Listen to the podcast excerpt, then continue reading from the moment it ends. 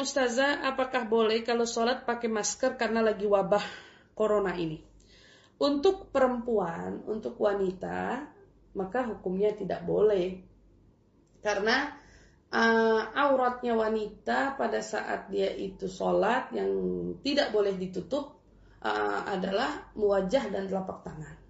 Jika dia menggunakan masker, maka berarti wajahnya ditutup sebagian dan ini uh, dilarang. Makanya perempuan-perempuan kalau selama corona ini jangan pergi keluar, sholatlah di dalam rumah.